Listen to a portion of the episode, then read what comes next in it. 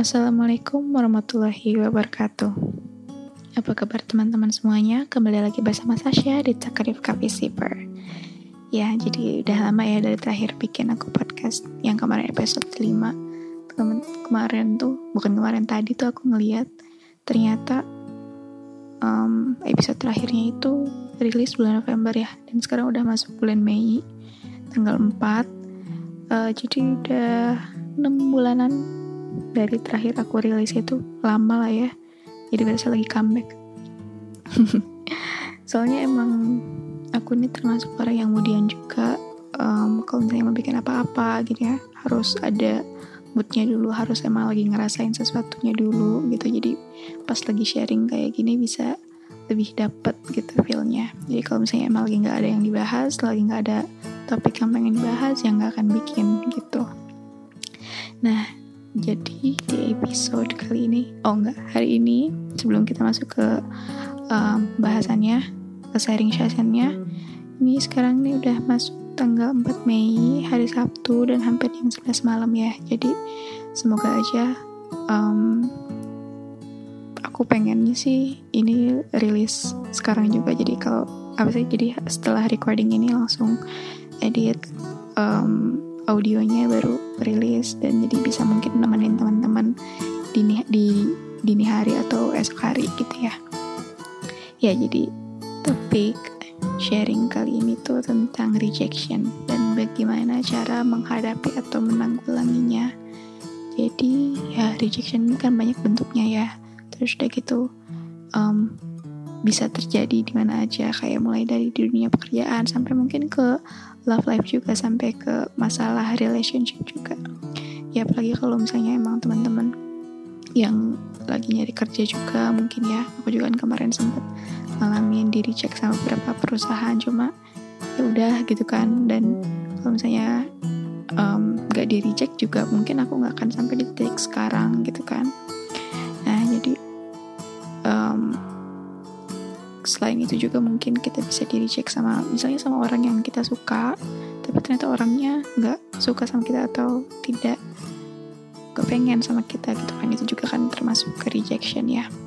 Dan kalau misalnya aku sih ketika aku di reject kayak gini itu impactnya kalau aku suka jadi ke mental seperti biasa. Dan belum lagi aku emang orang yang insecurean terus dari gitu suka it leads me to overthink things gitu jelas lah yang ngerasa sedih ngerasa down ngerasa worthless ngerasa gak kompeten.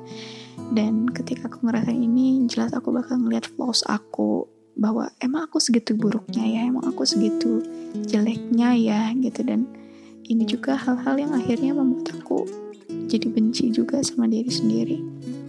Ya itu dia um, sisi jeleknya aku tuh. Dan udah gitu aku juga pernah ngerasa bukan merasa aku pernah di reject before I even tried, before I prove something. Jadi ya jelas lah itu down banget karena aku belum sempat ngebuktiin apa-apa. Udah di reject gitu, udah bilang ada orang yang, yang akhirnya bilang kayak nggak nggak mau gitu ibaratnya. Ya jadi jadi overthinking terus pikiran jadi ngelayang ke mana-mana gitu kan. Terus udah gitu ketika aku di reject sebelum aku bahas sebelum aku mencoba ini jadi aku juga kayak aduh gue kan belum ngeliatin aku tuh punya apa aku tuh punya skill apa gitu kan. Terus udah gitu akhirnya aku juga cuma pengen sendiri gitu jadi jadi narik jadi narik diri dari orang lain gak pengen ke mana-mana. Jadi berantakan banget pokoknya yang kayak aku biasanya misalnya mandi bisa sampai tiga hari eh sampai bisa tiga kali sehari gitu ya. Jadi kayak cuma ya udah nanti mandinya sore aja jadi sekali sehari sampai kayak gitu sampai berantakan banget sampai nggak tahu kayak yang itu hidup ini mau dibawa ke mana gitu kan. Jadi stres jelas karena jadi kayak banyak banget um, apa sih a lot of things buzz inside my mind juga dan aku tuh akhirnya jadi ngedistract sama supaya um, hal-hal ini nggak terus-terusan berseliweran di kepala aku. Akhirnya aku ngedistract dengan kerjaan. Jadi biar ya gimana caranya biar hal yang biar hal yang mengganggu ini ke distract sementara gitu. Jadi aku sam uh, kayak ngerjain tugas tuh malam-malam gitu jam 2 malam tuh bangun untuk kerjain tugas itu. Padahal itu tuh kerjaan untuk esok hari sampai kayak gitu. Jadi rejection yang gak aku duga ini nih ibaratnya kayak sebenarnya aku um, apa ya kayak sudah mengantisipasi bagaimana kalau misalnya hal ini terjadi gitu. Jadi um, tapi lagi aku antisipasi ini misalnya aku list down the things that would probably happen in the future gitu ya. Um, rejection ini tuh ada di kira-kira nomor 10 dalam list. Kira-kira apa yang bakal terjadi gitu worst thing that is, that's gonna happen gitu paham gak sih? Jadi ibaratnya kayak kalian mau ujian misalnya. Terus itu disuruh sama dosen atau sama guru untuk ngafalin topik 1 sampai 10 dan kalian ngelihat topik yang ketujuh ini kayaknya nggak nggak penting-penting banget ya. Kira-kira nggak akan keluar uh, di hari esok pas ujian. Tapi ternyata pas besok ujian ternyata yang nomor tujuh ini yang muncul paling awal gitu ibaratnya. Yang muncul uh, di nomor paling pertama gitu topik nomor tujuh nih. Jadi ibaratnya kayak aduh gue kemarin sempet nih mau belajar uh, topik nomor tujuh ini. Cuma kemarin gue ngerasanya kayak kayaknya gak akan keluar deh besok gitu. Semacam kayak gitu. Jadi apa ya rejection yang nggak um, aku duga. Jadi um, apa ya kayak um, shocked but not surprised gitu. The real definition of shocked but not surprised tuh gitu. Jadi udah sebenarnya udah ada antisipasi cuma gak expect ternyata itu yang bakal yang bakal keluar gitu kan. Terus gitu akhirnya aku jadi kayak suka ngahuleng gitu suka bingung gitu kan. Akhirnya uh, hampa gitu ngerasa hampa. Kayak dunia nih sebenarnya jalan. Cuma kok buat aku kayak yang lagi berhenti terus udah gitu ngerasanya kayak waktu berjalan cepet banget gitu. Gak tau pokoknya jadi kayak I lose my track of time gitu. Dalam artian yang gak bagus ya. Jadi gak bisa kontrol diri sendiri gitu. Down jelas sampai ya pokoknya berantakan banget lah. Nggak bisa dideskripsikan. Nah terus deh gitu akhirnya aku kayak harus bangkit nih gitu kan. Nggak mungkin aku harus berlama-lama. Kayak gini terus. Aku juga nggak mau berantakan terus untuk bulan-bulan ke depan gitu. Dan akhirnya the things that I'm trying to get myself back up adalah yang pertama tuh niat. Gila ya niat tuh kalau misalnya emang pengen untuk move on untuk belajar dari rejection yang aku terima ini ya harus dilakukan gitu ngerti gak sih? Kalau misalnya emang susah sih padahal niat tapi kalau misalnya nggak niat gak akan move on gitu nggak akan gak akan maju bakal di situ-situ aja. Tapi ya ketika misalnya lagi ngerasa sakit-sakitnya gitu kan misalnya ngerasa um, hah ya gue di reject ya gitu kan. Jadi ngeliatin dulu gitu rasa sakitnya karena kalau misalnya emang belum bisa move on ya udah tapi pas um, lagi ngerasa sakit ini kan kayak ada prosesnya dulu kan kayak ada proses healing dulu gitu. Ibaratnya kalau misalnya kita luka fisik juga kan gak akan tiba-tiba terus langsung sembuh. Pasti ada prosesnya dulu lah kayak gitu. Soalnya selain itu ketika aku menikmati proses healing ini aku juga ngerasa kayak di situ ada moment of epiphany gitu. Kayak misalnya di reject masalah kerjaan gitu terus gitu aku ngerasa kayak oh kayaknya kalau misalnya aku kerja di sana aku kerjanya nggak akan santai deh. Terus deh misalnya kayak oh mungkin kalau misalnya aku kerja di sana kayaknya aku nggak akan ngerasain um, hal-hal yang sekarang aku rasain gitu. Kayak misalnya kerjaannya bakal numpuk banget atau teman-temannya mungkin di sana nggak enak gitu. Atau bosnya ternyata um, juga galak atau apalah kayak gitu. Jadi bakal ada momen-momen itu yang akhirnya membuat bersyukur gitu. Karena kita pernah di reject di masa lalu. Jadi ya aku kayak mencoba untuk kayak percaya aja kalau misalnya oh ya udah emang kayak gini jalannya. Tapi bukan berarti um, di awal sebelum di reject tuh kayak pasrah ya udahlah gue mau ngikutin takdir aja kayak gimana gitu. Nggak kayak gitu juga sih. Tapi kayak lebih ketika misalnya kita dapat um, momen rejection ini gitu itu tuh kayak um, lebih di cherish gitu. Lebih cherish lebih diterima lebih mencoba untuk ikhlas juga gitu. Tapi di awal kita tetap usaha gitu. Jangan yang kayak ah gue jangan yang kayak di awal yang ah gue kayaknya nanti gak, gak bakal terima deh gitu. Jadi yang udahlah nanti gimana nanti aja nggak kayak gitu. Jadi lebih harus usaha dulu juga di awal. Tapi kalau misalnya emang nggak sejalan sama plan yang kita buat di awal ya udah diterima gitu. Jangan terus udah gitu kekeh atau apalah ya terus gitu akhirnya aku juga kayak lebih mencoba untuk ikhlas. Soalnya pernah baca ya kalau misalnya kita udah mencoba eh udah udah sampai di titik ikhlas sesuatu yang lebih baik pasti dateng kok gitu. Jadi kayak ibaratnya ya um, apa tuh bersama kesulitan ada kemudahan tuh bener banget sih. Karena ya um, emang ikhlas tuh nggak mudah sih niat di awal juga emang nggak mudah kayak yang gampang aja ya aku ngomong kayak gini kayak orang bener.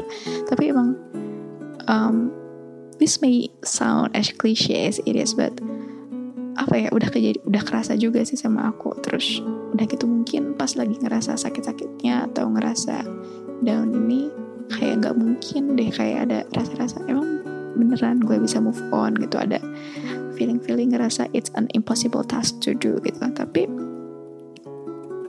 ketika aku merasakan itu. Aku juga ngerasa kayak misalnya um, misalnya kayak aku udah beberapa kali ditolak kerja gitu ya. Awalnya pasti down kan. Belum lagi kalau misalnya emang itu tempat yang um, pengen aku masukin gitu. Tapi setelah beberapa pencarian akhirnya aku juga dapet um, tempat kerja yang aku butuhkan gitu bukan yang aku inginkan gitu. Dan little little did I know ternyata tempat atau circumstance kerja yang sekarang aku masuk ini yang ternyata lebih cocok yang lebih sesuai sama aku gitu. Misalnya kayak bosnya yang bener-bener baik banget terus dia gitu dapat teman-temannya juga yang seru-seru terus kerjanya yang fleksibel karena aku sekarang kan kerjanya remote ya nggak perlu ke kantor di rumah doang.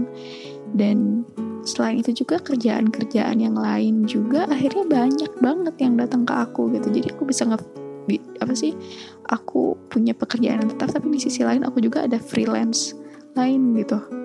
Jadi kayak ketika satu pintu tertutup pintu yang lainnya tuh terbuka tuh bener banget sih. Jadi kayak bener harus ikhlas harus niat tuh bener-bener harus dilakuin juga gitu.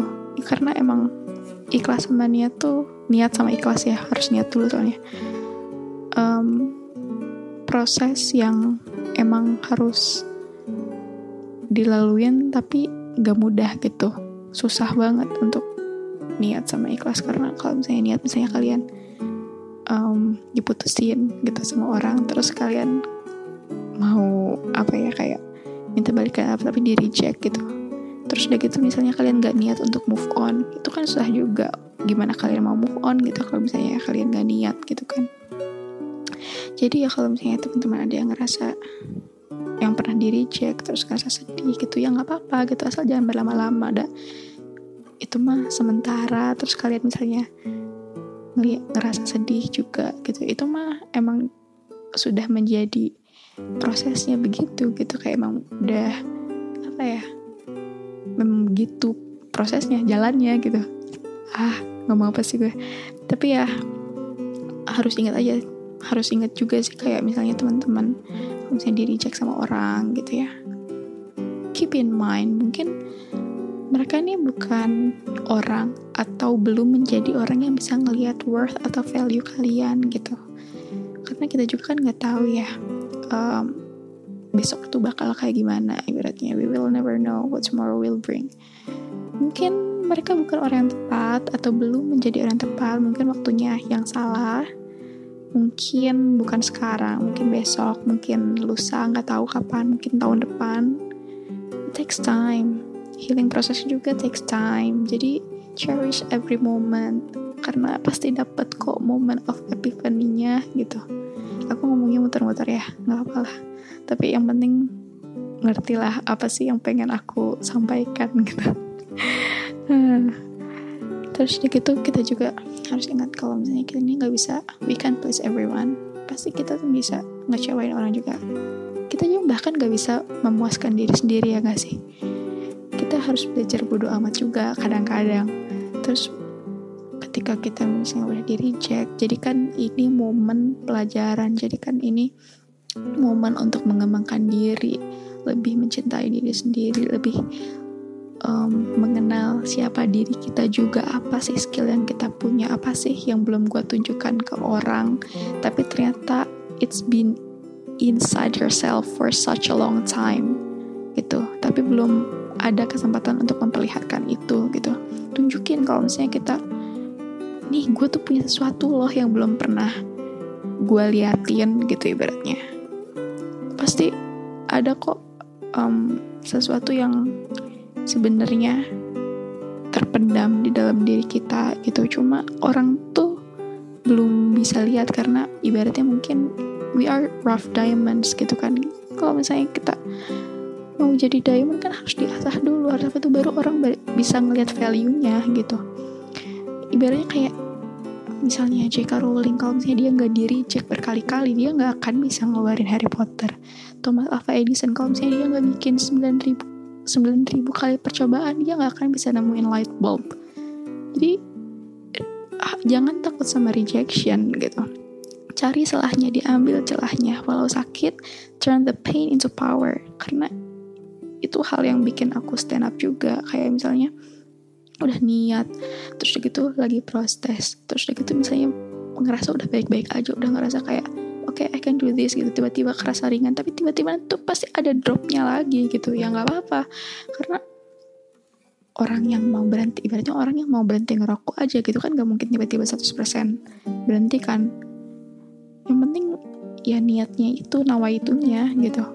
Udah sampai nanti sedikit demi sedikit bisa ngelepas bisa let go gitu ya dari apa ya dari rasa sakit yang ditimbulkan oleh si rejection itu ya nanti pasti ada sesuatu yang baik gitu pasti ada the end apa sih apa ada, ada the light by the end of the tunnel gitu ada a pot by the end of the rainbow gitu. Jadi ya aku juga nggak tahu sebenarnya aku ini ngomong apa kayak orang bener aja. Tapi ya itulah sharing aku hari ini. Sebenarnya curhat sih. Tapi ya udah segitu aja. Kan udah malam juga. Mulai jam 11.14 terus gitu besok udah masuk tanggal 5 udah mulai taraweh ya besok.